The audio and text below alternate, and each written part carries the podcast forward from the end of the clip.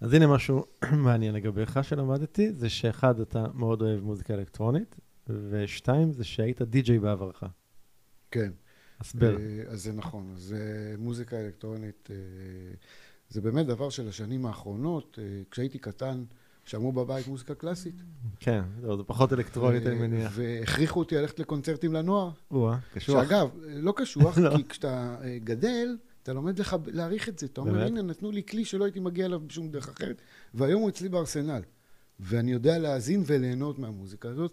ברבות השנים התחברתי גם למוזיקה אלקטרונית, שיש לה מופעים שונים וצורות שונות, וכל אחד אה, מלווה אותך בתקופה אחרת, במצב רוח אחר. כיף גדול. ו... ולגבי הדי-ג'יי, כן, זה נכון, זה היה תחביב שלי אי שם בשנות ה-30. כאילו, רגע, מה קרה? פתאום החלטת שאתה רוצה לדג'ות? או איך, כאילו, מאיפה זה הגיע? ניסיתי, ניסיתי בבית לעצמי, ראיתי שזה לא כזה מסובך. כן. אה, אחר כך ניסיתי לכמה חברים, אמרו לי, כנראה הם היו נדיבים מאוד, אמרו לי, וואו, אתה ממש טוב. ו- ו- ואחר כך זה קצת גדל, יותר חברים, וקצת אה, חברים של חברים, אף פעם לא נעשה, קרה משהו מסחרי. ואז אה, בגיל יום הולדת 40 קיבלתי מתנה, קורס די-ג'יי. Mm, ועשיתי אותו, זה היה מאוד מצחיק, כי נכנס המרצה לכיתה, אה, ושאל את התלמידים שרובם היו. או לפני צבא, כן. או ממש אחרי צבא, חלק אפילו באו במדים לשיעור, ושאל אותם, התחיל להסביר על ההיסטוריה של הדיג'י, אמר, פעם היו תקליטים, ואז שאל, מי ראה תקליטים? עכשיו, אני הייתי בן 40. הצבעתי, הייתי. בערך היחיד. אבל זה לא תפס, כי כדי להיות די-ג'יי טוב, אתה צריך להישאר מעודכן, ולא היה לי זמן כבר להישאר מעודכן, אז זה איכשהו... זה תפס אותי כי, כי זה מה שאנחנו כנראה חולקים. אני גם אה, די-ג'יי אה, לא ממומש, אה, ועוד מ- מהתיכון הייתי מתקלט למסיבות של הבית ספר וזה. ומאז אני בעיקר מחלטר במסיבות של חברים, אבל אף פעם לא לקחתי את זה באמת... אה, אבל זה יושב, אצלי זה עוד יושב כאן כ, כמשהו שעוד... אה, אה, תזמין אותי פעם. כן. טוב, אז אה, אנחנו מיד ניכנס פנימה. אה, רגע, יש עוד דבר מעניין אבל שלמדתי עליך. התאריך לידה שלך מאוד מיוחד. כן, התאריך הלידה ה- המדובר הוא שישי לשישי שישים ושש, שזה חתיכת תאריך. שזה חתיכת תאריך. תמיד אומרים לי, מה, זה מספר של השטן, שש, שש, כן, שש, נכון, לא, נכון, כן, 666, בדיוק. לא? אבל יש מאחורי זה סיפור, והסיפור הוא אה, שאני נולדתי בניתוח קיסרי. אימא שלי הייתה בת 42, זה היה קיסרי, בשנת 66, בחרה את אה, התאריך, זה לפי הזמנה. ממש. ו... והיא הגיעה לחדר הניתוח, תל אביב של שנת 66, אין יותר מדי חדרי ניתוח, ותוך כדי הכנות באים ואומרים לה, תקשיב, אנחנו צריכים, יש לנו, זה אלקטיבי, ויש לנו אמרג'נסי של תאונת דרכים, גם לא יותר מדי תאונות דרכים, אבל זאת הייתה, כן. ואנחנו צריכים את החדר ניתוח. אז בפועל נולדתי בשביעי לשישי, כי או-אה. נולדתי באחד בלילה, זה מה שכתוב בתעודת זהות, אני חוגג בשישי לשישי. גדול. טוב, אז uh, תכף נעמיק ונבין קצת יותר את הסיפור שלך. אחלה. מיד אחרי זה.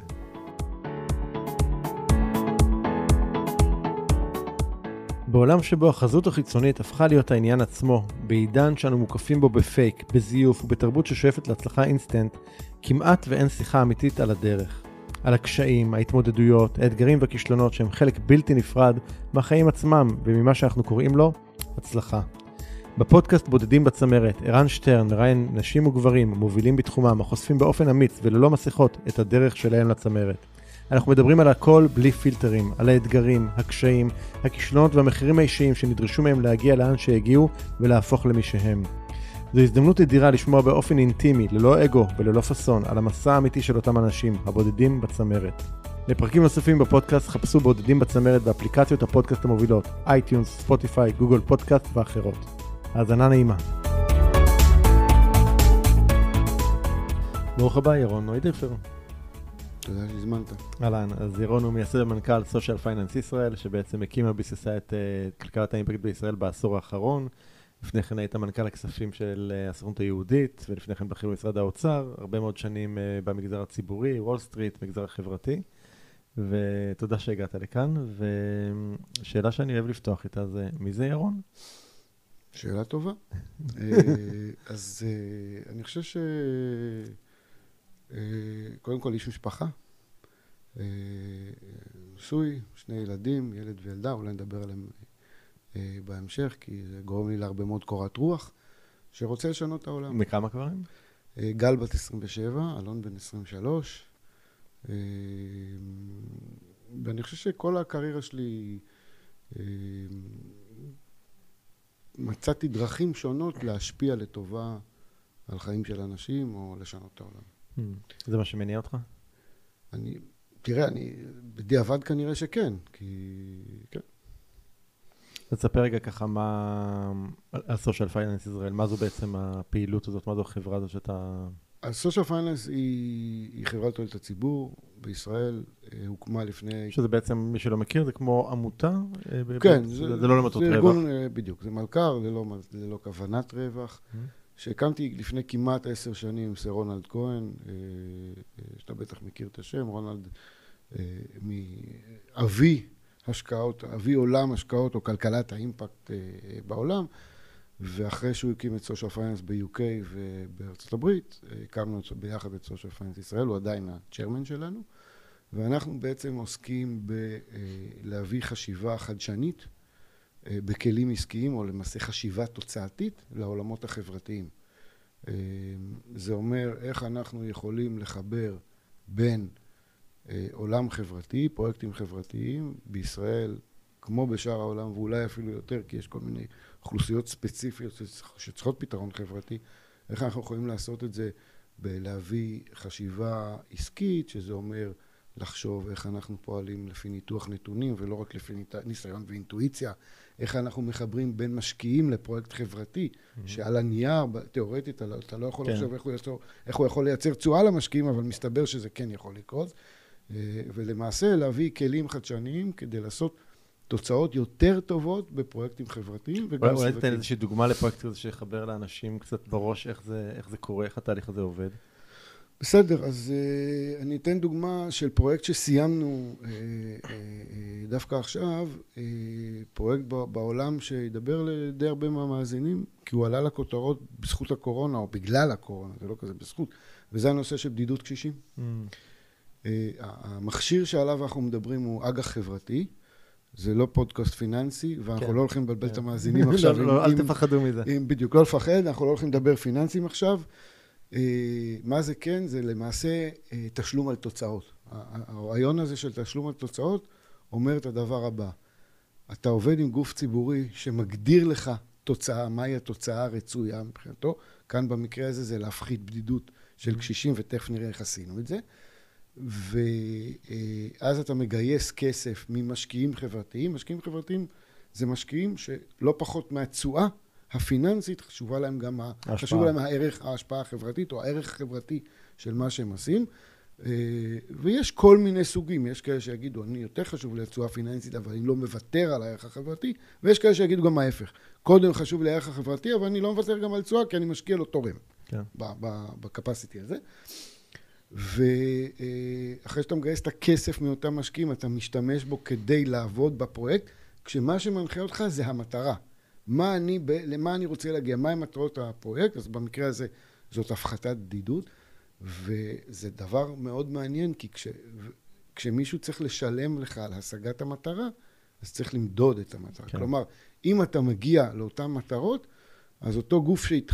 ציבורי שהתקשרת איתו, ועוד שנייה אני אפרט על הפרויקט הזה עצמו, למעשה אה, משלם בהתאם לכמה תוצאות השגת. אם okay. לא אוקיי. השגת שום תוצאה... זאת אומרת, אין, אין מבחינתו סיכון. אין לו סיכון, המשקיע הפסיד, והוא. אה, כן. רק אה, למד מה לא לעשות בעצם. לגמרי. אם השגת חלק מהתוצאות, אז המשקיע קיבל חלק מהשקעתו חזרה. אם השגת תוצאות פנומנליות ממש ממש טובות, והצלחת לפתור חלק גדול מהבעיה שהונחה לפתחך, אז, אתה, אז המשקיע יכול לקבל אפילו קצת תשואה אה, מעבר ל, למה שהשקיע. אז הפרויקט ש, שאני אתן כדוגמה זה פרויקט שהסתיים עכשיו אה, עם עיריית תל אביב בנושא של בדידות קשישים, שכולנו נחשפנו אליו, כמו שאמרתי, אה, בקורונה, אבל התחלנו לעשות את הדיזיין שלו עוד הרבה לפני הקורונה, והרעיון היה שעבדנו עם, אה, עם כמה מאות אה, קשישים שמוגדרים בודדים על ידי עיריית תל אביב, 20% מהם ממש מרותקי בית. אה. אה, גייסנו כמה מיליוני שקלים אה, לנושא, ובאותו סכום למעשה התמודדנו עם בדידות בשני צירים, ציר אחד של מתנדבים, שבאים לבקר את אותם קשישים, אבל לא רק לשוחח איתם ולהפיג להם בדידות לחצי שעה, אלא לתת להם כלים שגם כשאתה תצא הם ידעו מה לעשות. למשל, איך להתחבר לאחרים כמוהם mm. בעיר תל אביב, או איך להתחבר לשירותים שעיריית תל אביב מציעה לסוג כזה של אוכלוסייה. והציר השני הוא ציר טכנולוגי של. איזשהו, אה, זה hardware ו-software, אה, שמותקן להם על הטלוויזיה, והם יכולים ממש להשתמש, להשתתף בכל מיני תכנים. Mm-hmm. אתה רואה קשישה יושבת מול הטלוויזיה בכיסא שלה ועושה אופניים באוויר, וזה מאוד מאוד מרגש, כי זה אנשים שעד אתמול לא ידעו אה, אה, לעשות את הדברים כן. האלה, או לתקשר עם אחרים על פלטפורמה שבעצם אה, אה, מבוססת, אה, אנחנו היום קוראים לזה זום, אבל זה... זה היה עוד לפני, ו- ועם שלט שמותאם לקשישים, יש בו ארבעה כפתורים, לא כן, לא 3,900 כפתורים שאנחנו כן. מכירים, כן. אמ, והרעיון היה שאם אנחנו מצליחים להפחית בדידות בצורה מדידה... איך אתה מודד את זה בדיוק? 아, שאלה מצוינת. אני חשבתי שזה יהיה הסיפור הכי מסובך בפרויקט, וזה היה הסיפור הכי קל. באמת? כי מסתבר שיש מדד בדידות שכולם מסכימים עליו, שפותח ב-UCLA ב-1978, והוא מדד אה, סובייקטיבי, אתה שואל את הקשיש לפני הפרויקט ובסוף הפרויקט, ורואה את ההפרש בציון הבדידות. מה, אתה שואל אותו עד כמה הוא מרגיש בודד? כן, יש שם כמה שאלות, סט שלם של mm. שאלות, 아, אה, שבסוף שאלות ניתן... שאלות של בדיוק, ציון משוקלל. המיוחד בפרויקט הזה היה עוד דבר ש... אה, עוד שני דברים. אחד, שלא רק מדדנו לפני ואחרי, אלא מדדנו גם חצי שנה אחרי סוף הפרויקט, כדי לראות שימור. כן. עכשיו, למה זה מיוחד? כי זה זה בדיוק מכתיב את כל הפרויקט אחורה. ברגע שמודדים שימור, זה לא מספיק להפיק בדידות, זה צריך לתת כן. להם כלים, שגם כשאתה בסוף... לא, זה לא יכול להיות נקודתי. בדיוק. זה צריך להיות אוקיי. מתמשך, שיהיה להם מה שאוהבים להגיד, אה, חכות ולא דגים. אז רגע, אז במקרה כזה, לצורך העניין, אם אני מבין נכון, אז בא המשקיע, שם את הכסף כדי לקיים את הפרויקט, ואז במידה ויש הצלחה, עיריית תל אביב משלמת לכם? כן, משלמת באמצעותנו חזרה אה, למשקיע, אה, פר הצלחה. ככל שיש יותר הצלחות, ההחזר כן. גדל. הדבר השני אה, שאני רוצה להגיד, אה, שמאוד ייחודי לפרויקט הזה, היום יש בעולם בערך 300 אה, פרויקטים בקטע הזה של, בכלי הזה של אג"ח חברתי. זה הראשון ובינתיים היחיד שהוצע גם לציבור. בדרך כלל זה משקיעים כשירים. שגם הציבור יכול להשקיע. כן, שהציבור השקיע, היו לנו שם 240 משקיעים מהציבור, ש-130 מהם השקיעו בין 500 ל-1,000 שקל, כלומר ממש לכל בית. סוג של מימון המון כזה? כן, ו... וזה, היה, וזה היה דבר מדהים. אז uh, הפרויקט, uh, הצלחנו, בחרתי בו, יש לנו כמה וכמה, אבל בחרתי בו, כיוון שבאמת בו הצ... הוא הראשון שהגיע לסיום. ממש בשבועות האחרונים הכרזנו על התוצאות, הצלחנו להפחית בדידות אצל אותה אוכלוסייה בערך 27 אחוז, שזה מאוד מאוד כן. מאוד משמעותי, עם פילוחים פנימיים שלא ניכנס להם עכשיו, אה, ועכשיו אנחנו עובדים על עיריית, עם עיריית תל אביב על, על הרחבת הפרויקט לארבעת אלפים אה, אנשים, כן. למעשה לכל הקשישים הבודדים שמוגדרים בודדים בעיר תל אביב, אה, מבוסס על, על אותם best practices שהצלחנו לייצר. אז תשובה ארוכה כן, לשאלה לא, קצרה. בסדר, אני חושב שזה הסביר את העניין, כי כן, זה באמת, אז, אז, באמת מודל חדשני כזה. אז זה אחד הדברים שאנחנו עושים, אנחנו עושים עוד לא מעט דברים, אבל סביב אותו, אותו קונספט של... חדשנות ו- ו- וחשיבה תוצאתית בפרויקטים אה, חברתיים. ואיך אתם בוחרים פרויקט כזה? כאילו, מה, מה, מה, מה מנחה אותך או אתכם בזה? אז יש, אז יש שלוש, אה, אני חושב משהו כמו שלוש דרכים ש, אה, ש, שבהם אנחנו בוחרים פרויקט. אחד, זה יכול לבוא מאיתנו. למשל, עשינו אג"ח חברתית בתחום של מניעת סכרת אצל טרום סוכרתיים, type 2, mm. שלא יהפכו לסוכרתיים. זה בכלל רעיון שהתחיל מאשתי, כשהקמתי את SFI ביחד עם, עם רונלד. אה, היא אמרה לי, תקשיב, זה, אני מתלהב, מסביר לה, זה אחד ה features שלי שאני מתלהב, אה, ואני מסביר לה, אתה, מה זה אג"ח חברתי, ואיך עושים את זה, והיא אומרת לי, תקשיב, זה בדיוק מתאים לעולם של מניעה. כי בעצם בכסף קטן של משקיעים היום אתה מונע נכון, הוצאה גדולה בעתיד, ואז יש, נוצר מקור לשלם חזרה למשקיעים. כן. כל אותו חיסכון שנוצר. אה, אז זה דרך אחת שאנחנו מביאים את הרעיון. במקרה כזה, מי, משל, מי המשלם המדינה? במקרה של האג"ח של הסכרת, מי שמשלם זה קופות החולים. חולים. בגין החיסכון שלהם בהוצאות אה, אשפוז, כן. פרוצדורות רפואיות ותרופות, וביטוח לאומי בגין החיסכון שלו על קצבאות נכות. כן. זה מאוד מעניין, כי זה אפילו טיפה יותר מההוצאה הרפואית. אז זה דרך אחת. דרך שנייה, שהיום היא כבר יותר נפוצה, זה שהגופים הציבוריים מגיעים אלינו. אתם בחשיבה שלכם, במדידה שלכם, בחדשנות שלכם, בגמישות התפעולית שלכם. כי כשמגדירים לך מטרה, אתה לא צמוד לדרך, אתה צמוד כן. למטרה, ולכן מה שיעבוד, תגדיל אותו, מה שלא יעבוד, תעיף אותו. תעיף אותו ותעשה משהו שכן יעבוד. אז אה, היום כבר מגיעים אלינו אה, עם בעיות מאוד קשות. אה, אם אנחנו יכולים להיכנס ו- ולעזור לפתור אותם, ויש לנו כמה פרויקטים מאוד מעניינים שאנחנו עושים ויש בקנה. ודרך שלישית זה באמת ארגונים חברתיים שאומרים, אני היום יודע לעזור ל-500 אנשים, אבל אם יהיה לי כסף של משקיעים, Mm. ולא רק של פילנטרופיה או תקציב Mm. מדינה, אני יכול לעזור ל-5,000 אנשים או כן. ל-50,000 אנשים. אז זה בערך שלושת הדרכים שמהם מביא-. באים רעיונות. מעניין. טוב, בוא נדבר קצת על ירון. יאללה. אז uh, עשית הרבה דברים ככה בחיים. אם היית ככה מנסה לתמצת לשלושת, נקרא לזה, ההישגים הכי משמעותיים שאתה רואה בחיים שלך, מה, מה הם היו? אז הראשון זה זה שהילדים שלי נמצאים במקום הטוב שלהם. אוקיי. כרגע, אה, אה, גל שחלמה ללמוד אה, רפואה, ועבדה מאוד מאוד קשה להתקבל, זה לא, זה לא קל, וזה לא בפעם הראשונה. נמצאת היום שנה שלישית ברפואה בתל אביב, מרוצה, עובדת קשה, אבל אה, הגשימה חלום, כן. היא נמצאת בסוויט ספוט שלה. ואלון, אה, יותר צעיר בן 23, עובד קשה להתקבל לעיצוב אופנה לשנקר, שזה בדיוק מתאים לו. וואלה. זה הכיוון שלו. לפני שנתיים היה לי חלום בלילה שהוא הולך להיות מעצב אופנה מהגדולים בעולם, והנה זה פתאום וואו. בא ממנו ממש לא ממש לא ממני. למה, ראית את זה כילד? ראית לו את ה- כן, את הדבר הזה? כן, כן, כן, ממש. נמשך לתחום הזה? נמשך לתחום הזה ומבין בתחום הזה, וטוב בזה. Mm. אז, אה, כן, שילוב טוב. אז זה אולי אחד. אה, אה, וזה בקטע המאוד מאוד אישי, משפחתי. הדבר השני הוא, הוא שני איירונמנים שעשיתי. למי שלא מכיר, תגיד מילה רגע מה זה איירונמן. איירומן זה טריאטלון על סטרואידים. זה בעצם אה, תחרות ספורט אה, ארוכה, מורכבת משחייה, אה, רכיבת אופניים וריצה. ארוכה, קשה. כשאתה- אומר ארוכה, כשאנשים שלא מכירים, אנחנו מדברים פה על 200 ומשהו, 220 קילומטר. All together, כן, זה שוחים 3.8, אחר כך רוכבים 180, ובסוף אה, בקטנה רצים מרתון. מרתון, 42, נקודה שתיים. כן. הנקודה שתיים זה הכי קשים, זה בא בסוף. אז אה, אז כן, אז... אה, לא לא יכלו זה- לוותר על הנקודה שתיים הזה, כאילו, זה... אתה לא מוותר- על נקודה שתיים, לא עשית לא עשית כלום. כלום, אה? כל ה-16 שעות הלכו. וזה דורש, זה דורש תעצומות. כן. אגב, שלא נתבלבל, כל אחד יכול לעשות איירון שלא זה, אבל זה דורש תעצומות, זה דורש נחישות ודבקות והתלהבות. דורש ו- גם מן הסתם לשלם מחירים וריכוז, מאוד... אה, ולשלם מאוד מחירים, וזה. דורש אסטרטגיה ליום התחרות, המון כן. אסטרטגיה. זה מ- זה הישג כי... כי... כי... כי הגע, הגעתי לזה מאוד, למדתי מהדרך ומהניהול תחרות הרבה מאוד על עצמי. Mm. בוא ניקח רגע סתם את התחרות הראשונה כדוגמה. אוקיי, נגיד, מה הייתה המוטיבציה שלך בכלל אה, לעשות את הזאת פעם לא ראשונה? הייתה לי שום מוטיבציה, אף פעם? לא חלמתי על זה. אז מאיפה זה הגיע? התגלגלתי לזה בטעות. אה, הצטרפתי לאיזה קבוצת טריאטלון, אה, אה, לעשות טריאטלון קטן, אולימפי, טריאטלון, מה שקוראים ספרינט, שהוא מאוד קטן ומאוד קצר ומאוד נגיש.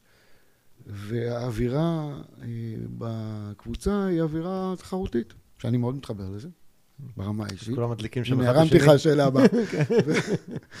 וכן, כולם מדליקים את כולם, ומשווים, ומה האחוז שומן שלך, ואיזה אופניים. קנית, וזה. מאוד אלפא כזה. כן. אה, והידרדרתי הידרדרתי לאיירונמן, אבל זאת הייתה, ואני לא מתחרט על זה, זה יכול להיות כותרת טובה לפודקאסט, לא יודע אם אתה תאהב את זה. הידרדרתי לאיירונמן. כן. אז אה, התחרות אה, הייתה משהו כמו בין תשעה חודשים לשנה של אימונים מפרכים, אינטנסיביים. כל יום, לא? כל יום, לפעמים פעמיים ביום, כן. חוץ מיום מנוחה אחד בשבוע אחר תתפרק.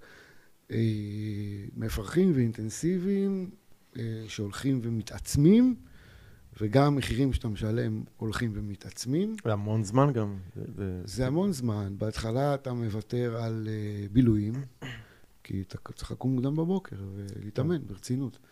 ואתה מוותר על הדברים שאהבת לאכול, כי אתה צריך להגיע בפורמה לתחרות ובמשקל המתאים. ואחר כך אתה מוותר על חברים, כי כבר אין לך זמן. זמן, וכשיש לך זמן אתה פשוט עייף. אה, בסוף אתה מוותר גם על משפחה במובן מסוים, כי אתה מאוד מאוד מרוכז בעצמך. אכלתי שעה נכון, ישנתי מספיק, התאמנתי טוב, הציוד שלי בסדר, מה המצב, נפצעתי, לא נפצעתי, אתה לאט לאט נהיה יותר ויותר מרוכז בעצמך, אבל הדבר הטוב, והדבר הטוב הוא שיש לתאריך סיום. Okay. אוקיי. יש היום תחרות, ואז אתה חוזר להכל, ו... כן, אז, אז, אז, אז, אז, אז אתה יכול לוותר, אתה יכול לשלם את המחירים כשאתה רואה את ה... אמ-, אמרת שלקחת מזה לחיים בכלל, מה, איזה דברים, נגיד, נגיד, מה, מה הדבר הכי משמעותי שמתוך ההתנסות הזאת לקחת, לקחת איתך אחר כך הלאה? אני חושב שנחישות. נחישות, לא לוותר, לא לוותר, ולא משנה אם כואב לך, קשה לך, חם לך, קר לך, אתה עייף, התעוררת, לא התעוררת. לא לוותר. יש מטרה, ואתה תשיג אותה. Whatsoever. זה אחד. שתיים, הוא מיום התחרות עצמו, וזה העניין של תכנון. כי אה, הגעתי מאוד מוכן. ידעתי בכל נקודת זמן מה אני צריך לעשות ומה יכול אה, להתפספס ואיך להתמודד עם זה. אז למשל, שבועיים לפני התחרות, בכל ערב אשתי הייתה מוציאה לי אוויר מהצמיגים של, של האופניים ובודקת לי על הסטופר, בכמה זמן לוקח לי להחליף אה, פאנצ'ר. למה זה חשוב? כמה זמן לוקח? לא זוכר. כמה שניות. למה זה חשוב? כי כשאתה בתחרות בדופק 150, הידיים שלך רועדות, היא ככה forever אם אתה לא עושה את זה על אוטומט. כן. דוגמה אחרת. זה כמו לפרק ולהרכיב נשק. אה, כן, כאילו, בדיוק, אחרי ריצה. בדיוק, כן. דוגמה אחרת, אה, יש אלמנט בתחרות איירון מן, יש מקצוע רביעי. אמרנו, יש רכיבה, ריצה שחייה, אבל יש מקצוע רביעי. המקצוע הרביעי הוא תזונה. Mm. כי בתחרות איירון מן, אתה מאבד בערך עשרת אלפים קלוריות בתחרות, וגם אם תאכל כל הזמן נונסטופ, לא תצליח להחזיר אנרגיה. ואתה בתחרות ספורט. אז איך עושים את זה? מתאמנים על זה.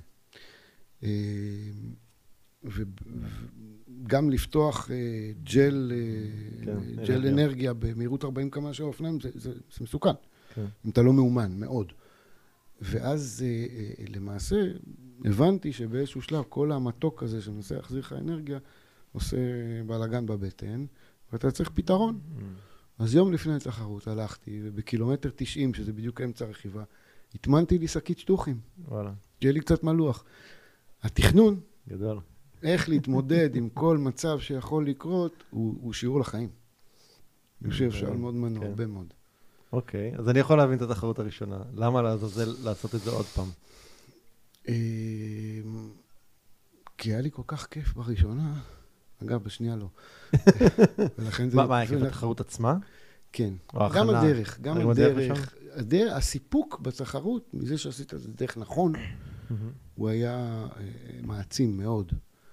אה, ואז נחתי שנה, ואחרי שנתיים, אז כאילו... עוד שנה. עוד שנה. אז זאת שוב שנה של אימונים? כן. כמעט, כמעט, כן. אה, כן, וגם מזה למדתי. מה למדתי? לתחרות השנייה הגעתי עם קצת היבריס. Mm. בתחרות הראשונה עשיתי תוצאה טובה. טובה מאוד אפילו. ואני, ואז הגעתי לתחרות השנייה, תראה, אפשר ללמוד מזה המון. כן. הגעתי לתחרות השנייה ואמרתי, אני? קטן אני יודע להתאמן לאיירונים, מה זאת אומרת? תראה איירון, איזה תוצאה עשית בראשון. אז התאמנתי קצת פחות חזק, קצת פחות שבועות, וקצת פחות שעות בכל שבוע, והגעתי לתחרות, והייתה לי שם בעיה רפואית שכמעט נפרדתי. וואלה. אה, והנה עוד שיעור. שיעור מצוין. סיימת אותם? כן, כן. סיימתי אה, בזמן פחות טוב מהראשון, לא, הזמן לא משנה אפילו. כן. אבל אה, הנה עוד שיעור. השיעור הוא, הצלחת, שלא יהיה לך היבריס. Mm. שיעור מאוד מאוד חשוב. לא פחות מהראשונה, זה השנייה. תהיה שלישית? אה, תקשיב, אנחנו הולכים ומזדקנים. לא יודע, כאילו זה... לא יודע, יש לי איזה חשבון עם השנייה שאני מתישהו צריך לפתור, נראה. ימים יגידו. אה, אז זה היה הדבר השני. אין אף אחד מסביבי שמעודד אותי לתחרות השלישית, בוא נגיד ככה. זהו, אתה כבר לא בסביבה שמדליקים אחד את השני. ממש, כן.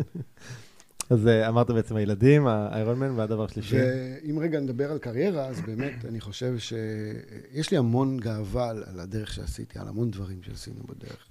בין אם זה בתקופה שלי באוצר, בתקופה שלי באוצר, כנציג האוצר בוול סטריט, אה, אה, אחד משני נציגי האוצר בוול סטריט, ובסוכנות היהודית, שעשינו הרבה מאוד דברים פורצי דרך וחדשנים ואסטרטגיים וגדולים, אבל אני חושב באמת שהגאווה הכי גדולה זה הדרך שעשינו ב-SFI, social finance, אה, כי כשהקמתי את SFI לפני עשר שנים, זה היה הכי סטארט-אפ שיש. אף אחד לא ידע מה זה השקעות אימפקט, לחלק מהאנשים נראיתי כמו איזה מחבק עצים כזה, אתה יודע. היום אנחנו 35 אנשים, וזה כבר קבוצה של כמה, כמה ארגונים ביחד, עשינו כמה מיזוגים, שני מיזוגים. וכשהקמתי את SFI, אז uh, הלכתי להתייעץ עם uh, מישהו די בכיר בכלכלה הישראלית, ואני מספר לו בהתלהבות שלי את הרעיון, ו... ואתה יודע, אני, אתה כבר רואה, אני, אני מתלהב ומלהיב. והוא מסתכל עליי ככה ואומר לי בסוף, תגיד, זה משרה מלאה? אז, אה, אז אני חושב שהדרך שעשינו, שהיום כולם מדברים על אימפקט, גם בישראל, לא כן. לא רק בעולם, ויש כבר שוק שהולך וצומח ומעמיק, ו... ו שבשנים הראשונות חלק גדול ממה שעשינו היה ממש market education. להסביר לשוק שאפשר לעשות כסף ואפשר לעשות טוב at the same time. שזה לא בא אחד על חשבון השני, ו... ועבור משקיעים מוסדיים שמרימים גבה ואומרים לי, מה, על מה אתה מדבר? התפקיד שלנו זה רק לשמור, ואגב, חלקם אומרים את זה עד היום, רק לשמור על הפנסיה ולעשות כמה שיותר תשואה, ולך תסביר להם שאתה יכול לעשות תשואה טובה מאוד, וגם להשקיע בדברים כן. שהם לא אה, נשק, סיגריות, porn, gambling ולא יודע מה, אה, אלא אתה יכול לעשות גם השקעות טובות, ולראות היום שיש כבר שוק ויש אורגנים ויש קצת תחרות כן. בחלק מהדברים. כן, תחרות כבר מעידה שיש פה עניין כן, יותר. כן, זה הישג. אז אני חושב שזה באמת בקריירה, זה הישג מאוד מאוד גדול של להביא כלכלה חדשה ושפה חד... כלכלית חדשה אה, אה, אה, לישראל. עוד דבר זה שתואר שני שלך בהרווארד, שזה גם מן הסתם לא פשוט אה, נכון. להגיע לשם. אה, כן, במסגרת קרן וקסנר. שלמעשה שולח אותך ללמוד תואר שני במינהל ציבורי, אה, במימון מלא. אה, אה, זו הייתה, זו הייתה תקופה מאוד מאוד מאוד טובה, כי בעצם זה מקום שאומר לך, תקשיב, אתה נכס בשבילנו, ולכן רק תלמד, ת, תתרכז רק, ממש אומרים לך את זה ביום הראשון, בא דיקן הסטודנטים ואומר לך את הדבר הבא, אומר לך שני דברים. אחד, אני יודע שחלקכם חושבים שזה מזל שהגעתם לפה, או שזה טעות שהגעתם, יש פה כל מיני, יש כאלה. ותדעו לכם שבחרנו כל אחד בפינצטה. שתיים, תתרכזו רק בלימודים, אנחנו נעשה את כל השאר, כל מה שחסר לכם. ואתה רואה מוסד ש, שמקדש מצוינות, וזה באמת uh, פותח כמה את... כמה זמן הלימודים שם? Uh, זה שלושה סמסטרים, תואר שני mm. של שלושה סמסטרים, מקסים. אז נסתכל ככה על, על, על ההיסטוריה שלך שאתה מתאר, אז אה, כאילו יש פה בן אדם שהוא מאוד מאוד uh, הישגי. כנראה, כנראה, כן. לא? כשמסתכל על זה ככה, כנראה שכן. אה, יש איזושהי נקודה, לא יודע, בדרך שלך בחיים, שאתה כאילו זוכר אותו, שאתה אומר, שסימנת על עצמך שאני אגיע לפה, או אני אגיע לזה, או אני אהיה ככה? לא, ממש, לא, ממש לא. זה קצת הפוך מהקונבנציה של ה... של השוק, שאומר לך, כן. תציב מטרות ותחומים אה, שאתה רוצה להיות בהם, או חברות ספציפיות שאתה רוצה להיות בהם. אבל אתה יודע, אתה לא סתם מתגלגל לעשות איירון מן, אתה לא סתם מתגלגל להרווארד, זה לא קורה במקרה הרי הדברים האלה. אני לא יודע להגיד אם זה קורה במקרה או לא, אבל uh, לא היה לי אף פעם תכנון לא לעשות איירון מן, לא ללמוד בהרווארד, ובטח לא להקים את SFI, אה, אבל אני יודע לזהות כשמשהו מדבר אליי ברמה כנראה גם הישגית, אבל גם ערכית. אוקיי. מה, מה, מה זה, מה הסימנים שאתה מזהה אצלך? אמ, שיש אפשרות, אה, אה, אני חושב, שיש אפשרות אה, לעשות משהו משמעותי. Mm. זאת משמעותי בשבילך כן, שהוא מנוע. כאילו. שהוא משמעות, כן, לגמרי. הרי כל הסיפור הזה של, של SFI, אתה יודע, אנשים באים לעבוד אצלנו, בין השאר בגלל המשמעות. כן. אני חושב שכל מי שעובד ב-SFI, היום יכול להרוויח כנראה אולי יותר בחוץ, ודוקטור, אה, פרופסור יורם יובל הגדיר פעם אושר אה, כצירוף של אה, הנאה ומשמעות. אז אני חושב שמשמעות זה, זה כוח מאוד מאוד מאוד מניע, לפחות אותי. כן. אז יכול להיות שזה הסימן ש... מה, סתם, אז מעניין, אז מה המשמעות שכאילו, שראית כשלהתחרות באיירון מן למשל? לפרוץ, את ה, לפרוץ גבולות. של עצמך. זה, זה, זה אישי. מולך, כן, מול עצמך. כן. אוקיי. אבל לא, אז לא הייתה איזושהי נקודה שאתה כאילו סימנת את המטרה? ממש לא, לא, ממש לא.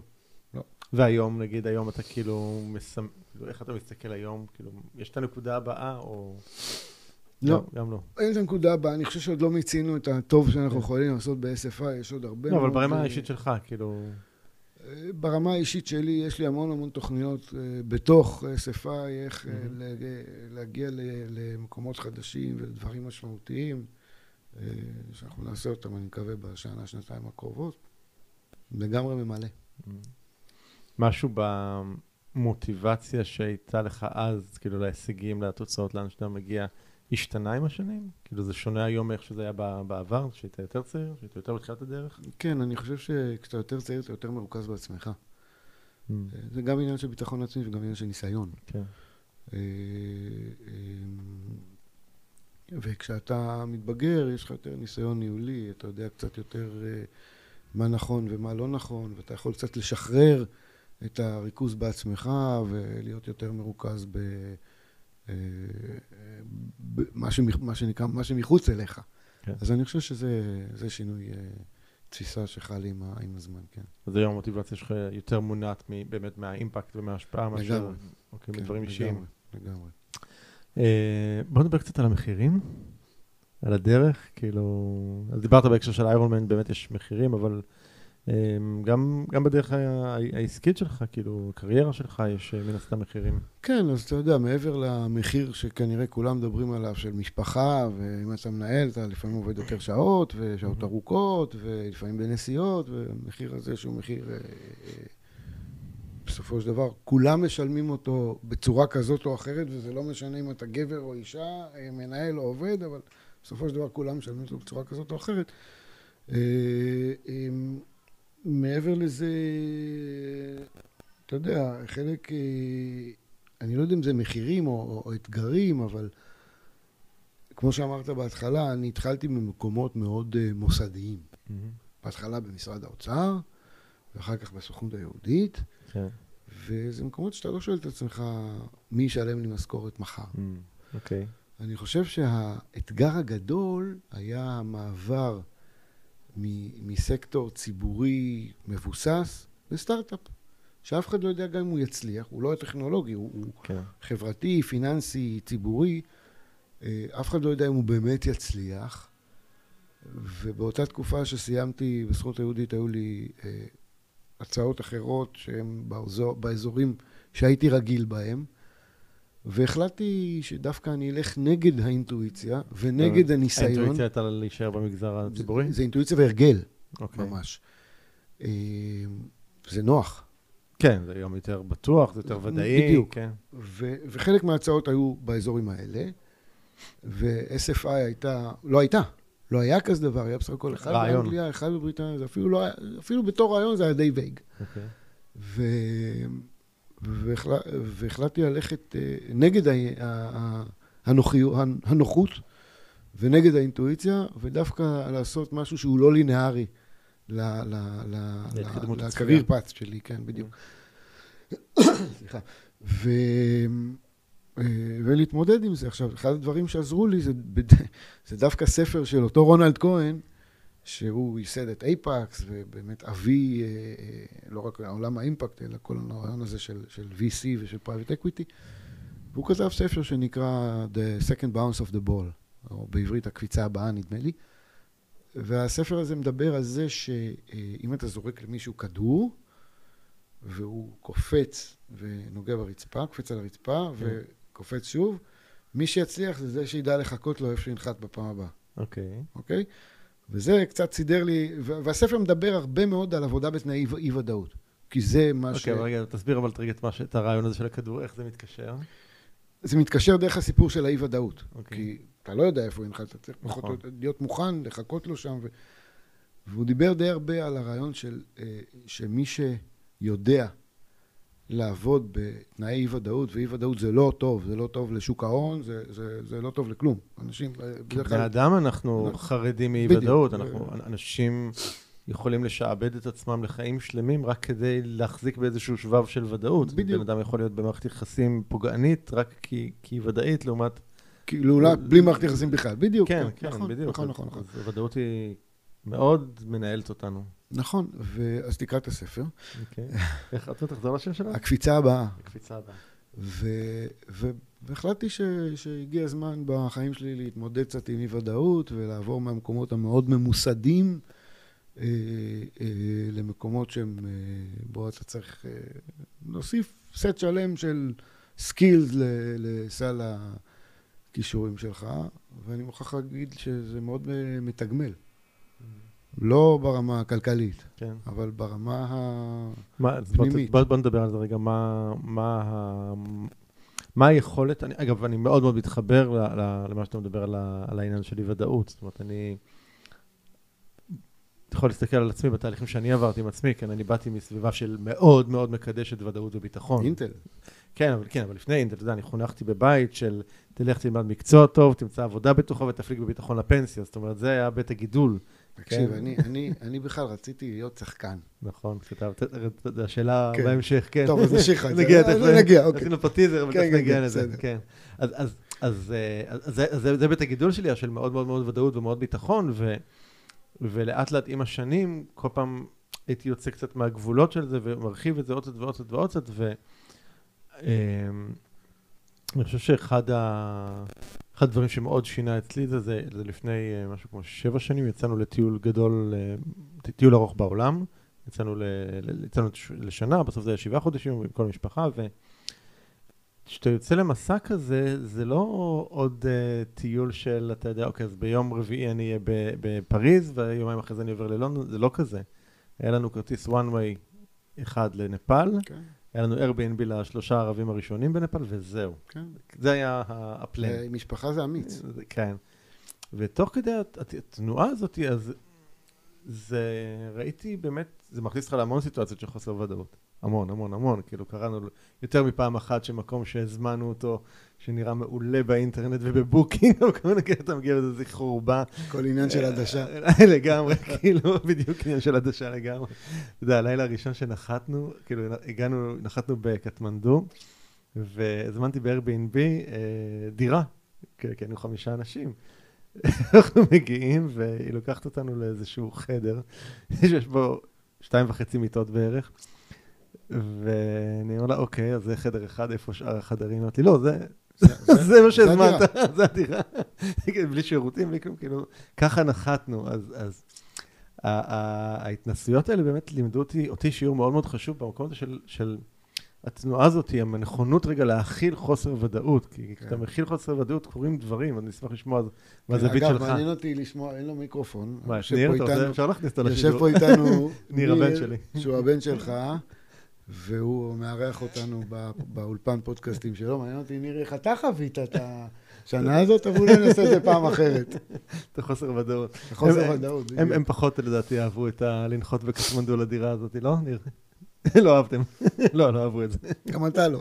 האמת שגם אני לא, אבל, אה, אני היחידי, אגב, זה, היה כל כך... אה, אבל זה באמת, זה באמת כלי אה, ש... א', מי שיודע לעבוד בתנאי חוסר ודאות, הוא פשוט יכול להצליח יותר. Mm, כי פחות אוקיי. נכנס ללחץ מאי-ודאות. אה, וב', הסיפוק. כשבסוף הצלחת, למרות אי-הוודאות, לעמוד במטרות שלך, להגיע להישגים שרצית, או למקומות שרצית, היא, היא מאוד מאוד גדולה. הוא הוא מאוד גדול. אני חושב שיש, אני, אני גם מסכים, אני חושב שיש פה אבל עוד אלמנט, אני חושב שגם השהייה באזור של חוסר ודאות, פותחים אפשרויות, פותחות אפשרויות והזדמנויות שאולי קודם נכון. לא היו יכולות להיות נכון. זמינות. כי רוב האנשים מחפשים רק באזורים של הוודאות. נכון.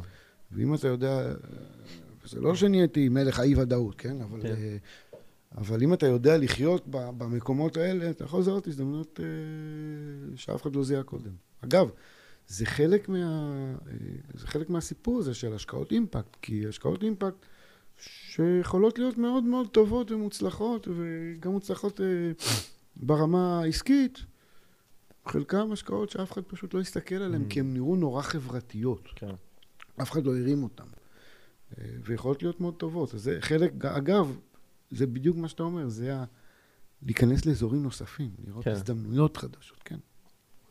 זה, זה, זה בעצם להסכים להיות באזורים של, של, של קצת פחות יודע וקצת הרבה יותר לא יודע. זה כזה גם באיזשהו מקום, כן. בהרבה מובנים. כן. לאפשר להיות באזור של האי-ידיעה. ו... של הלמידה, כן. של ה... להיות פתוח ל... ל... כן. אוקיי, מעניין. אמ, מה מה ההגדרה שלך להצלחה? איך אתה היית מגדיר הצלחה? אה, הצלחה אה, בעיניי זה אה, שאלה טובה. אולי לעמוד במטרה ששמת לעצמך. להשיג את המטרה? לעמוד במטרה ששמת. ואם לא הגעת אליה?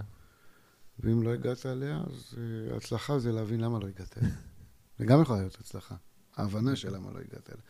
אבל uh, אני, לא מוגדר, אני, לא, אני לא מגדיר את זה ככישלון. Okay. כי אוקיי. אני לא אוהב להגדיר שום דבר ככישלון. אין לך, אין, אין, אין משהו שאתה תופס אותו ככישלון? לא, זה לא, זה לא מה שאני אומר. אני אומר שאני מעדיף להגדיר, אני חושב שהכישלון הכי גדול זה להגדיר דברים ככישלון. אוקיי. Okay. כי אני מעדיף להגדיר כטעות. כישלון mm. זה משהו שאתה בעצם אחריו uh, אומר, טוב, נכשלתי, מה לעשות? וזהו, okay. כן. ונעצרת. טעות אפשר לתקן. טעות, אתה אומר, אוקיי, אז בוא ננסה עוד פעם. כן, טעות אפשר לתקן. אז בוא ננסה שוב.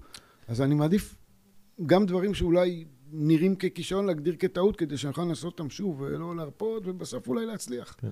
אז... אני חושב שיש פה גם משהו בשפה, שכשאומרים על משהו שהוא כישלון, זה, יש בזה משהו אישי. זאת אומרת, של אני נכשלתי, או אני הכישלון, או אני הדבר הזה.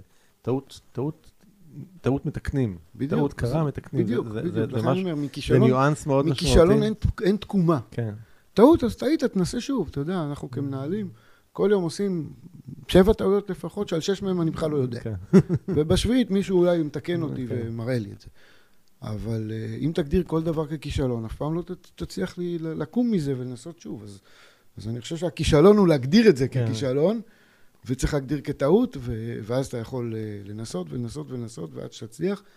ולהקים את הסיפור הזה של אימפקט במדינת ישראל, הוא בדיוק לנסות ולנסות ולנסות עד שתצליח, כי זה להחדיר שפה חדשה, עם הרבה ספקנים מסביב. אה, אה, בסוף אנחנו הצלחנו. אז, אז אם ככה, אז מה הטעות הכי ככה משמעותית שאתה לוקח איתך? לכולנו יש את הצלקות על הגב, מה...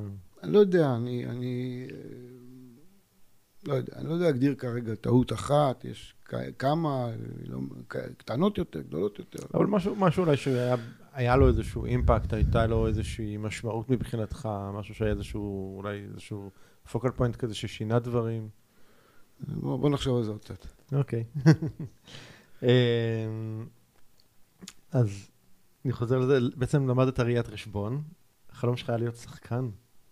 כן. מה, מה השתבש בדרך? אה, נכון, כן. החלום שלי היה להיות שחקן, אה, אחר כך הוא התעדכן להיות פסיכולוג קליני. פסיכולוג אה, קליני. כן, אתה אמרת שמה שעניין אותך מאז ומתמיד זה אנשים, כנראה שגם נכון, אותי. כן. ואז בא אבא ואמר לי, אתה תהיה רואה חשבון. אתה תלמד, לא, הוא לא אמר אתה תהיה רואה חשבון. הוא לא העיז עד כדי כך. Okay. אוקיי. הוא אמר לי, אתה תלמד ראיית חשבון, זה ישרת אותך בחיים בכלל, זה ייתן לך כלים. לא הבנתי את זה אז, אבל שמחתי עליו. אה, ובדיעבד אני חושב שזה היה אה, נכון. אה, לא בהשוואה ל, אלא אוניברסלית. זה היה נכון כי זה נותן באמת כלים ואקסס. זה לא, אני, זה לא שאני ממליץ על זה, אני לא. כן. אני גם לא, לא ממליץ. נהנית מהלימודים עצמם? לא מאוד. לא מאוד. לא מאוד, אבל... ואחר כך מהמקצוע, כאילו? תראה, לא, בעצם לא, לא עסקת בזה לא עסקתי בראיית חשבון אף פעם, ממש. אוקיי. כרואה חשבון, עשיתי סטאז' וזה, אבל uh, אני, זה כן נותן לך הרבה מאוד כלים להבנה של איך הדברים עובדים, ו, ובעיקר ממקם אותך במקום שממנו אתה יכול לעשות המון דברים. Mm-hmm. אתה יכול להתפגר. ואם פעם, יום אחד אני רוצה לקחת... Uh, אה, חוג משחק, אני יודע לעשות גם את זה. אוקיי. אבל... זה אה, עוד בוער, זה עוד קיים בפנים, העניין הזה של להיות שחקן? אני חושב שבאיזשהו מקום זה תמיד, תמיד קיים בפנים. כן? כן. ולא, זה לא, כל השנים האלה, זה לא בא לידי ביטוי באיזושהי צורה? אה, לא. לא. שום צורה? לא. לא. לא, לא, לא עשיתי עם זה. זה לא יושב לך פה, כאילו, מעניין, זה לא יושב לך פה כמשהו של... הייתי צריך לעשות, או כאילו... לא, לא, זה לא משהו שמטריד את מנוחתי ביום-יום, ממש לא. אין לי פה איזו תחושת פספוס כן. גדולה. ואתה יודע, מתי שנרצה אפשר גם לעשות את זה, זה... אין, אין כן, לזה גיל, אין זה גיל. בסדר. כל זמן שאתה יכול ללכת, זה בסדר. אוקיי. אה, יש איזושהי אמירה ש... שהרבה פעמים הולכת עם... אה, שאומרים על אנשים מצליחים, וזה שההצלחה עלתה להם לראש. אתה מכיר את זה, אני מניח. אה, זה משהו ששמעת עליך? זה משהו שאתה יכול לראות? או ש... אני, אני יודע על עצמי, אגב, ש, שאני יכול ממש לסמן נקודות בחיים על, שלי, כאילו שאני, שאני כאילו נפלתי שם. אז הנה, סימנתי לך אחת באיירון מן הראשון, כן. בדיוק. וזה היה אחלה שיעור. Mm, אז הנה, אנחנו חוזרים לזה שיעור רגע. בצניעות. זה שיעור בצניעות, אתה יודע, ו... ו... אני לא בטוח, אני לא חושב שאומרים את זה עליי, אבל אתה יודע, you don't know. אה, כי בסוף, בסוף, בסוף, אתה משתדל להישאר צנוע ולהבין שאתה מנסה לעשות טוב בכל הכלים, ויש דברים שהם יותר גדולים ממך, וזה בסדר. אה, ואת השיעור הזה למדתי מספיק מוקדם כדי, כדי, ש, כדי ללמוד ממנו ו, ולהתקדם עם זה. אז אני, אז אני חושב שאנחנו מכירים את האנשים האלה, אנחנו כן. מכירים את התופעה הזאת. אני שמח לא להיות שם. אתה יודע, לפני, אה, לפני אה, בערך שנתיים הייתי בהשקה אה, ציבורית מאוד מאוד מעניינת של המרכז הישראלי להתמכרויות. שהקים חבר שלי שהוא איש עסקים, אה, בריטי במקור, היום הוא בישראל. אה, ערב מאוד מרשים, ערב גאלה. ואחרי כל הברכות והנאומים וקטע נגינה, אה, עלה לבמה מישהו שנראה כמוני כמוך, עם בלייזר וחולצה שחורה ומדונה, ואומר, את רובכם אתם מכירים, אני מכיר, חלקכם גם מכירים אותי. אני אקצר לך את הסיפור, כי זו הרצאה של איזה 25 דקות. אה, המנהל מאוד מאוד בכיר, אה, אה, שפעם מישהו הזמין אותו לאיזה מקום והוא טעם, ניסה- סמים, ונפל והתרסק עם זה. ברמה כזאת שאיבד את המשרה, אלפי עובדים. וואלה. איבד את המשפחה, איבד את עצמו בעיקר, נהיה ג'אנקי הכי נמוך שיש, החליט אה, לסיים את חייו. אה, צ'אנס אחרון הוא הלך לאיזושהי, אה, לפני זה הוא הלך לאיזושהי קבוצת אה, גמילה. אה, אמר, מה? כל האנשים פה זה, זה לא מהמיליה שלי. אפרופו, כן. היבריס. לו לראש. זה לא מהמיליה שלי. אחרי פעם אחת הוא ברח משם, מספר את הסיפור שלו, כן, בלי, כן. אני לא... ואני לא מביע דעה. וכשהוא כבר איבד הכל, הכל, הכל, הוא אמר, אני אנסה עוד פעם, וניסה עוד פעם ממקום הרבה יותר צנוע. ובקבוצה שהיו בה אסירים משוחררים וכל מיני מכורים אחרים, לא כולם מנכ"לים של, של ארגונים מאוד גדולים, אה, והצליח. והוא כבר לא מעט שנים אה, כן, אה, נקי. נקי, אבל הוא אמר את הדבר הבא, הוא אמר שלקח אותו אה, אחד הוותיקים בקבוצה כ, כמנטור שלו, ואמר לו, תראה, בשביל אה, שתצליח להישאר נקי, אתה צריך לעשות כמה דברים. אחד, כל יום לדעת שאתה מכור בפוטנציה, לא רלוונטי, שתיים, שלוש, ארבע, והדבר החמישי שהוא אומר לו, תזכור תמיד שיש משהו שהוא חזק ממך. שיש משהו שהוא גדול ממך. וזה יביא אותך לקצת אה, צניעות וענווה. ו... אז אה, מכל הסיפור כן. הזה, זה מה שלקחתי. כן. זה אולי התשובה הגדולה, הארוכה. לשאלה של כן. הצלחה עלתה על הראש. כן, צריך אה, ל- להשתדל להיות ענבים. ענווה היא, היא, ענווה היא כלי מצוין אה, להתנהלות נכונה.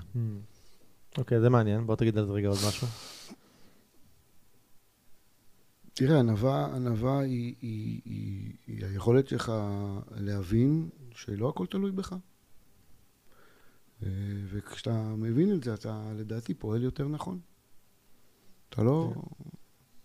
לא כל דבר שקורה הוא, הוא, הוא, הוא שלך או בגללך. כן. אתה יכול להתנהל ביותר אה, ביטחון, הייתי אומר. אני חושב שיש משהו במקום הזה, ש...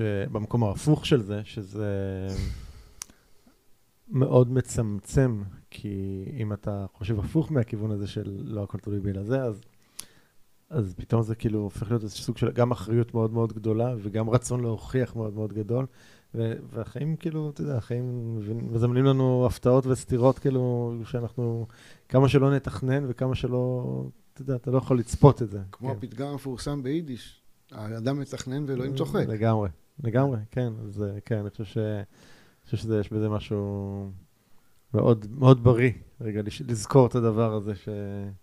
ואתה יודע, זה גם עניין של בגרות וניסיון, בסופו של דבר. נכון. מן הסתם, כשאנחנו צעירים, אז זה פחות, אה, אנחנו עוד לא, עוד לא מבינים את זה כל כך. אנחנו לא מבינים את זה, ובסדר. כן, בשביל ניסיון, זה התבגרנו ניסיון והתנסינו. לשחק, כן, כן, ניסיון לשחק לגמרי. אה, להיות בצמרת זה גם להיות בודד. אה, זה אומר כאילו עניין של החל מאחריות, שהיא בסוף אתה, יש מלא אנשים ומלא זה, בסוף אבל יש את הבן אדם שהאחריות יושבת אצלו, וההחלטות הכבדות והמשמעויות הכבדות ו- וכל הדבר הזה.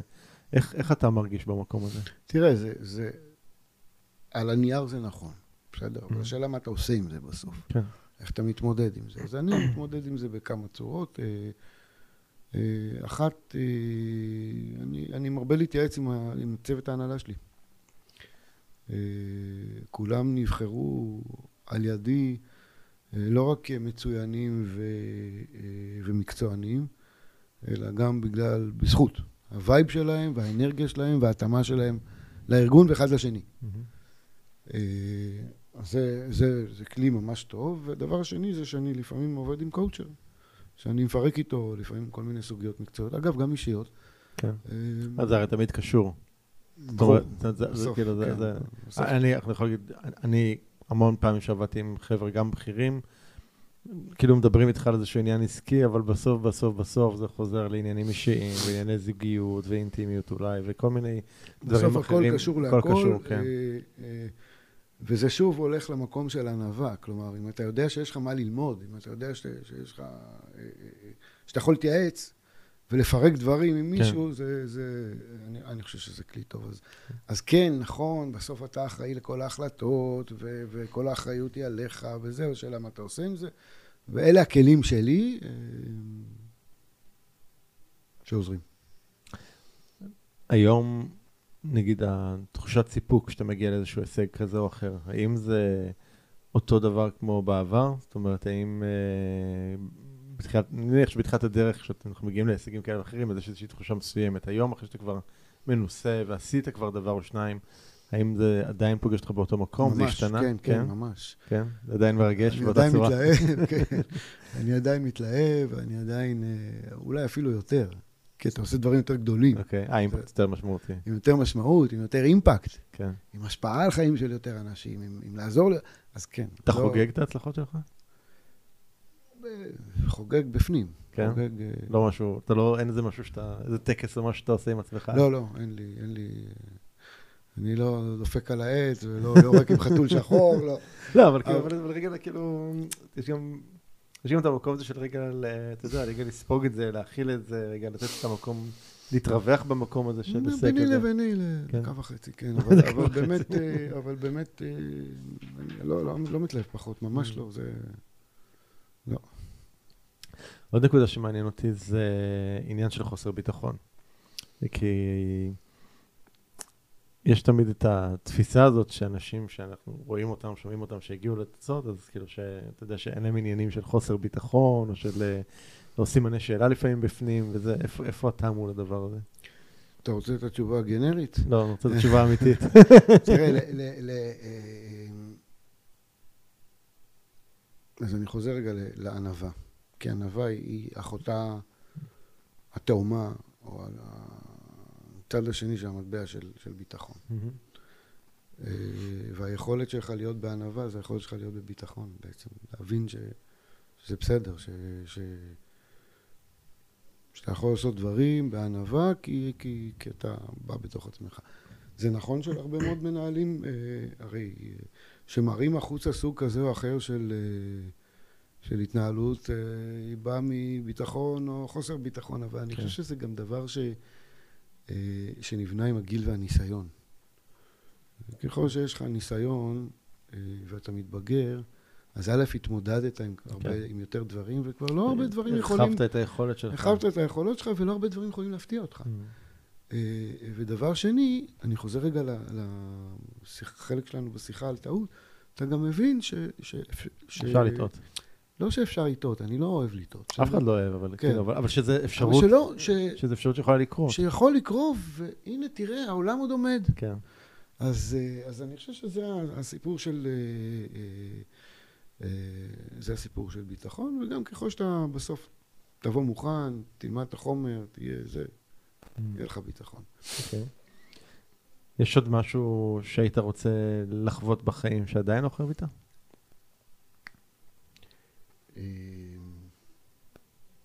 יש איזה שהן מטרות שאתה עוד ככה מסומנות לך שאתה... אני מת לטייל באיראן. באיראן? למה דווקא איראן? כי זה נראה לי, כי, כי זה מקום עם, עם היסטוריה לא פחות אה, אה, מעניינת מישראל, אבל שאין לך שום דרך, אה, אין לך שום דרך להגיע אליו. כן. אבל זה באמת פנטזיה. אז, אז, מה, אז מה מעניין, הבלתי מושגות של זה? לא, זה פשוט מעניין. אוקיי. אה, אם יש עוד דברים שאני רוצה לעשות, יש עוד המון דברים שאני רוצה לעשות. אני אולי לא יודע להגיד לך אותם כרגע, אבל אה, החיים לא נגמרים בגיל כן, אה, 56. גם בעולם של ספורט, גם בעולם של, אה, של הגשמה עצמית. אולי יום אחד נעשה קורס במשחק. משחק. כן, יש עוד לא מעט דברים. יש איזה משהו שהוא מספיק חשוב לך, שעבורו היית מוכן לוותר על הדברים שהעסקת? תסביר לי את השאלה. זאת אומרת, אה, אם תיקח רגע את ההישגים שלך ודברים שהעסקת לאורך השנים, והיית אומר, אוקיי, אני, כל זה, מבחינתי, אני מוכן לוותר על זה בשביל זה. לא. אין, איזה משהו כזה.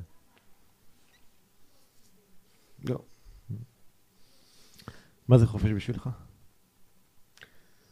אה, אה, חופש, שאלה, וואי, שאלה מצוינת.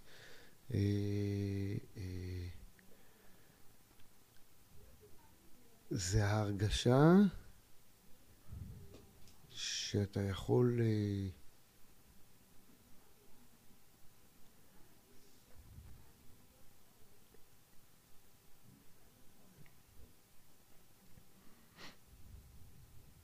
זה הרגשה שאתה יכול להיות עצמך בלי restrictions. Mm-hmm. להיות מחובר לעצמך בדיוק ברגע הזה, באותו הרגע. אה, זה בעיניי החופש האולטימטיבי. ואם אתה ככה מסתכל על, על עצמך בהקשר הזה, איפה אתה, עד כמה אתה, עד כמה אתה מרגיש שאתה שם? זה, קודם כל היום ב-SFI, אה, זה, זה סיפור, זה קטע מעניין, כי עולם האימפקט בישראל הוא מאוד מאוד צעיר, ואין פה קונבנציות של שוק. כן. אז למעשה כמעט מה שתמציא זה מה שיהיה, וזה זה, זה חופש. Mm. זה סוג מסוים של חופש. כן. פר ההגדרה שנתנו לזה לפני דקה. אה, אז אני חושב שבמקום הזה אני, אני, אני די שם. אתה יודע, ככל שהשוק גדל ומתפתח, פתאום נהיה לו סטרקצ'ר, כן. ונהיה לו מבנה, ואז זה כבר... מתחילים יותר כל מיני... אתה מסתכל על אחרים, על המתחרים, ועל הרגולטורים, ועל זה, זה כבר פחות. אבל גם ברמה האישית, אה, בואו רגע נחזור לתחילת, תחילת, תחילת השיחה הנעימה שלנו. אה, מוזיקה. מוזיקה. מוזיקה זה חופש, mm. אה, מאפשרת לך חופש לנקות, כן. ולהיות ברגע. אני חושב שה... להיות נוכח בכאן ועכשיו של עצמך, זה, זה באמת סוג של חופש. Mm. וכמה שאפשר להגיע לזה, זה... לא משנה מה הדרך, גם. כן. אחד יגיע לזה מספורט, והשני ממוזיקה, והשלישי מעבודה, והרביעי ממשפחה, והחמישי ממשהו אחר, כן. אמ, הרבה פעמים, לכולנו קודם כל, יש, יש את הפרסונה, זו הדמות החיצונית הזאת שאנחנו מציגים לעולם. אה, ואני חושב שהרבה פעמים במקרים, דווקא של אנשים שהם מאוד יותר מוכרים, או יותר כאילו שהם רואים אותם, אז, אז הפרסונה הזאת היא גם יותר חזקה. ומעניין אותי כאילו עד כמה אתה מרגיש מול הפרסונה שלך, זאת אומרת, כמה אתם, עד כמה היא קרובה למי שאתה, עד כמה היא רחוקה ממי שאתה. זה אבולוציה. אה, אני חושב שכשהייתי יותר צעיר, היא הייתה יותר רחוקה. יותר רחוקה. דווקא יותר רחוקה. כאילו, פחות אתה. כן, היה לך את הקליפה ואת התוך. כן. ולא תמיד היו... אה, בהלימה. אה, אה, בסוף זה בהלימה, אבל הם- לא הוצגו ביחד. אוקיי, אה, אוקיי. אתה לא יכול להיות מה שאת... בסוף, בסוף, בסוף אתה לא יכול להיות מי שאתה לא. כן. לא, אבל אתה יכול, אתה יודע, אפשר. להציג כל כן, מיני דברים, כן. כן. אה, אה, ואני חושב שככל ש... בחלוף השנים אה, יש הלימה, יש הלימה הרבה הרבה יותר גדולה בין הדמות החיצונית ל... ל... לתוך, הפנימי. היום זה די קרוב, סך הכל. אה, שוב, אתה יודע, כ- כמנהל, אתה לא תמיד נגיש לכולם, ו- ו- וזה מייצר איזושהי דמות. בסדר, זה, זה מגבלות התפקיד, מה שנקרא, אבל אני חושב שבסוף, אה, תוכי כבריא, זה, זה די קרוב, כן. היום זה די קרוב. מה מה ממלא אותך? מה... מה- ואגב, זה, זה, זה, באמת, אה, זה באמת דרך שאתה עובר עם עצמך. כן, התפתחות. זה ממש, זה, זה צמיחה שאתה עובר עם עצמך, ואתה מבין שהכל בסדר. אתה יכול כן. להיות... אני חושב שככל שאתה יותר, ש- ש- שהמרחק קרוב יותר, ככל שיש פחות פער ביניהם, אז באמת זה המקום ש... אני יודע שוב מעצמי, אני יכול לדבר, ש... שזה המקומות שבהם אני מרשה לעצמי הרבה יותר להיות אני. הרבה יותר בחופש עם מי שאני, והרבה נכון. יותר בלהביע את מי שאני וכולי, ופחות פחות מושפע ממה יחשבו או יגידו על הדבר הזה. וזה שוב הולך למקום של אה, ניסיון, נכון. וביטחון עצמי, ו... מה, מה ממלא אותך? מה, מה, מה מעניק לך אנרגיה? אה, מוזיקה, אני מבין. כן, סוג של... אה, אני חושב ש... אה,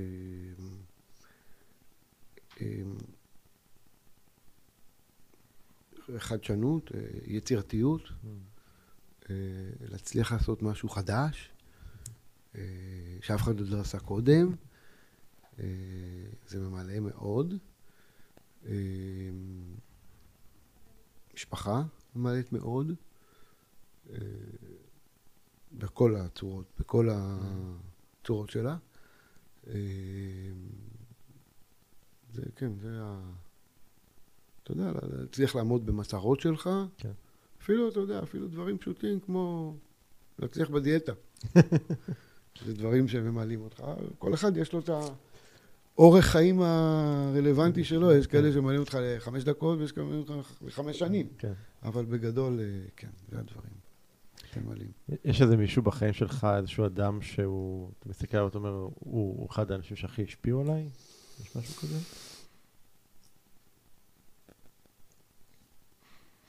אני חושב ש... אני חושב שיש. אה, אז, אה, אחד מהם זה אבא שלי, אה, שהיה מאוד בכיר באוצר, הרבה מאוד שנים. הנה החיבור. כן. עם, עם אישיות מאוד אה, אה, לבבית. ו... ו... אה, מאוד אה, מכילה, ו... ו... היה תפקידי מפתח מאוד מאוד בכירים, שחלקם היו לא פשוטים. הוא הקים את אה, רשות המיסים בישראל. ולהיות זה שאחראי על מיסים במדינת ישראל זה לא הג'וב לא הכי הכי אהוב. פופולר, בדיוק, זה לא האדם הכי אהוב, הכי אהוב, ותמיד הוא עשה את זה בנועם הליכות ובחוש הומור, ו- ותמיד הוא יצא מזה ב- ב- ב- בדרך הזאתי. אה, השני זה מנהל שהיה לי ב- דווקא בסוכנות, אה, טוב. שהיה לנו קשר מאוד מאוד טוב, אה, ואני עד, עד היום זוכר הרבה דברים, הרבה, הרבה משפטים אה, שהוא אמר, הרבה תובנות קטנות כאלה, ש... כן. כן, אז אני חושב ששני אנשים. הוא היה מרוצה אבא שלך שהתחלת לעבוד במשרד האוצר? מאוד, מה זאת כן. אומרת? בטח. סימן וי גדול. סימן וי גדול, כן. הכל היה חלק מהמאסטר פלן שלו. וכשעזבת, איך הוא קיבל את זה? כשעזבתי הוא כבר לא היה בחיים. עדיין בחיים? הוא נפטר בגיל 70, ו... אה, צעיר. צעיר. אני חושב על זה היום שאני בן כן, 56, זה צעיר. נראה לי מה זה צעיר. צעיר, צעיר, צעיר. מאוד. גם הוא עזב, הוא לא סיים באוצר. אוקיי, נשים בצד. אה, מה אתה חושב שהילדים שלך לומדים ממך? אני הרבה פעמים, אה, אם תשאל אותם, אז הם יגידו לך, אבא תמיד היה חופר לנו עם המשפט שאומר, אם אתה רוצה שיקרה לך משהו, אל תחכה שהוא יקרה, תגרום לו לקרות. If you want something, go get it. כן. אה, אז אני מקווה ש... אני, אני יודע אה, אה, שזה ערך שהם למדו בבית. אתה יודע, הם ראו תמיד מישהו שחרוץ, עובד קשה ומשתדל להצליח, ו... וזה ערכים, והחלק המשפחתי של הביחדנס. כן. אני חושב שזה דברים... טוב.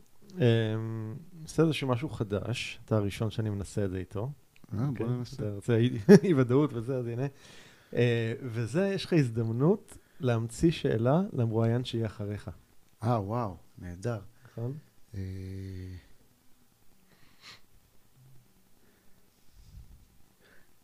שאלת פעם את השאלה מה היית עושה אחרת בחיים? אה, לפעמים אני שואל, בהקשר של אם הייתי יכול להחזיר אותך לאיזושהי, נק- כאילו היית יכול לחזור לנקודה אחרת, אז, אבל לא בדיוק כמו שאתה מציג את זה, מה היית עושה אחרת? כן. אוקיי. מה היית משנה? ואל תזרוק את זה עכשיו עליי. אבל דיברנו, אולי היית שחקן, לא? או די-ג'יי.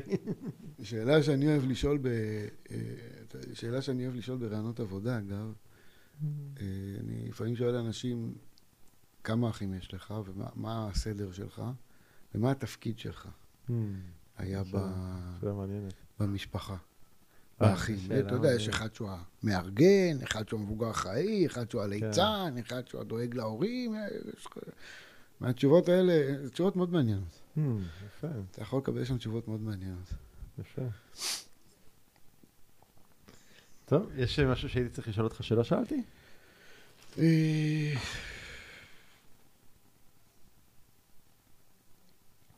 לא, תשאל מה שאתה רוצה. בסוף, בסוף, בסוף, אה, אה, כתבת לי שאלה, הנה שאלה שכתבת ולא שאלת. אוקיי, יאללה, תן. מהו המסר המרכזי שהיית רוצה שיעבור למאזינים אבל בפודקאסט? דיברנו על זה, דיברנו על זה? דיברנו על אי-ודאות. לא, כן, בסדר, זה אחד אוקיי. מהם, אבל אני חושב ש... אה, אני חושב ש...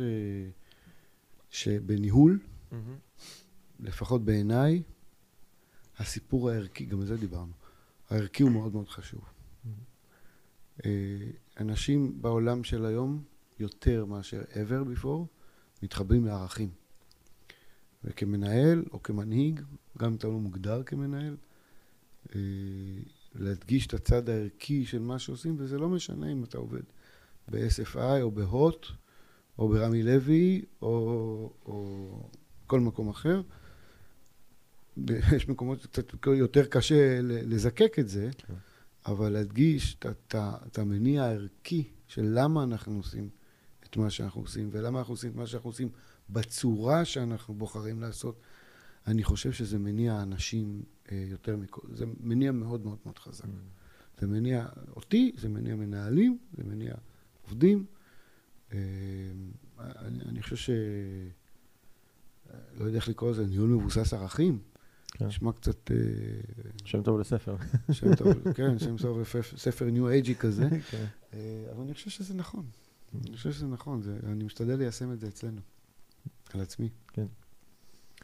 יש שאלה שהיית רוצה לשאול אותי? אה,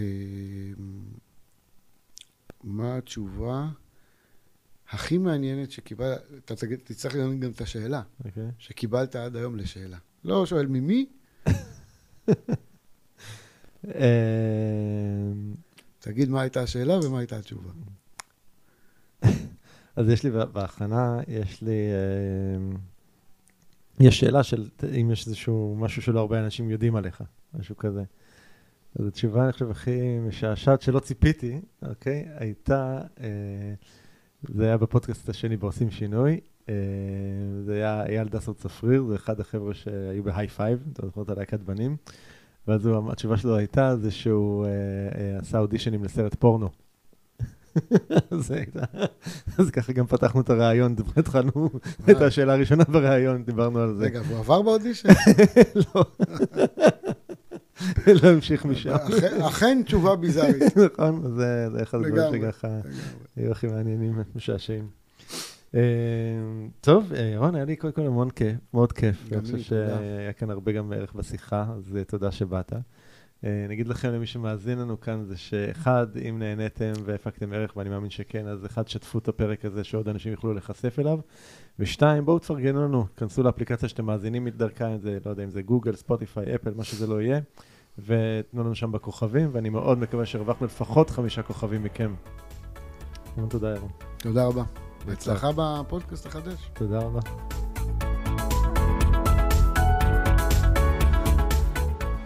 זהו, עד כאן לפרק של היום. אם אהבתם את הפרק, אל תשכחו לדרג את הפודקאסט ב iTunes, Spotify, Google Podcast, SoundCloud, יוטיוב או בכל פלטפורמה אחרת שדרכה אתם מאזינים לנו כרגע. ואם אהבתם את הפרק הזה, אני מזמין אתכם לשתף אותו עם אחרים שיוכלו גם הם להפיק ממנו ערך משמעותי. אתם מוזמנים לכתוב לי תגובות, מה אהבתם, את מי תרצו לשמוע בפרקים הבאים, או כל הערה והערה אחרת שיש לכם.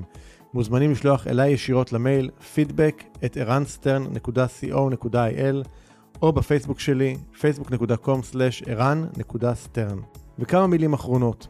לאורך השנים עבדתי עם ופגשתי הרבה מנכ"לים ואנשי עסקים בכירים וראיתי שאצל רבים מהם יש סוג של דיסוננס בין ההצלחה שלהם בקריירה ובעסק ובין החיים האישיים. ולמרות שבעסקים הם פרצו הרבה מאוד תקרות זכוכית, בחיים האישיים הם מרגישים שנתקלים בתקרת זכוכית. אם זה ביחסים, באינטימיות, מול הילדים, בתחושות מיצוי, חוסר סיפוק וכדומה. ובעיקר תקרת הזכוכית שלהם היא מול עצמם. התמודדות עם פחדים, עם רגשות מורכבים, תשוקות לא ממומשות או חוסר בהירות לגבי הדבר הבא שלהם. אז אם אתם מרגישים בודדים שם בצמרת ורוצים מישהו לחלוק, לשתף, לקרפל פרספקטיבה או להתייעץ איתו, אני מזמין אתכם לכתוב אליי באופן אישי למייל feedback את זה מגיע אליי ישירות, feedback את אני ערן שטרן, שמח שהאזנתם ונשתמע בפרק הבא.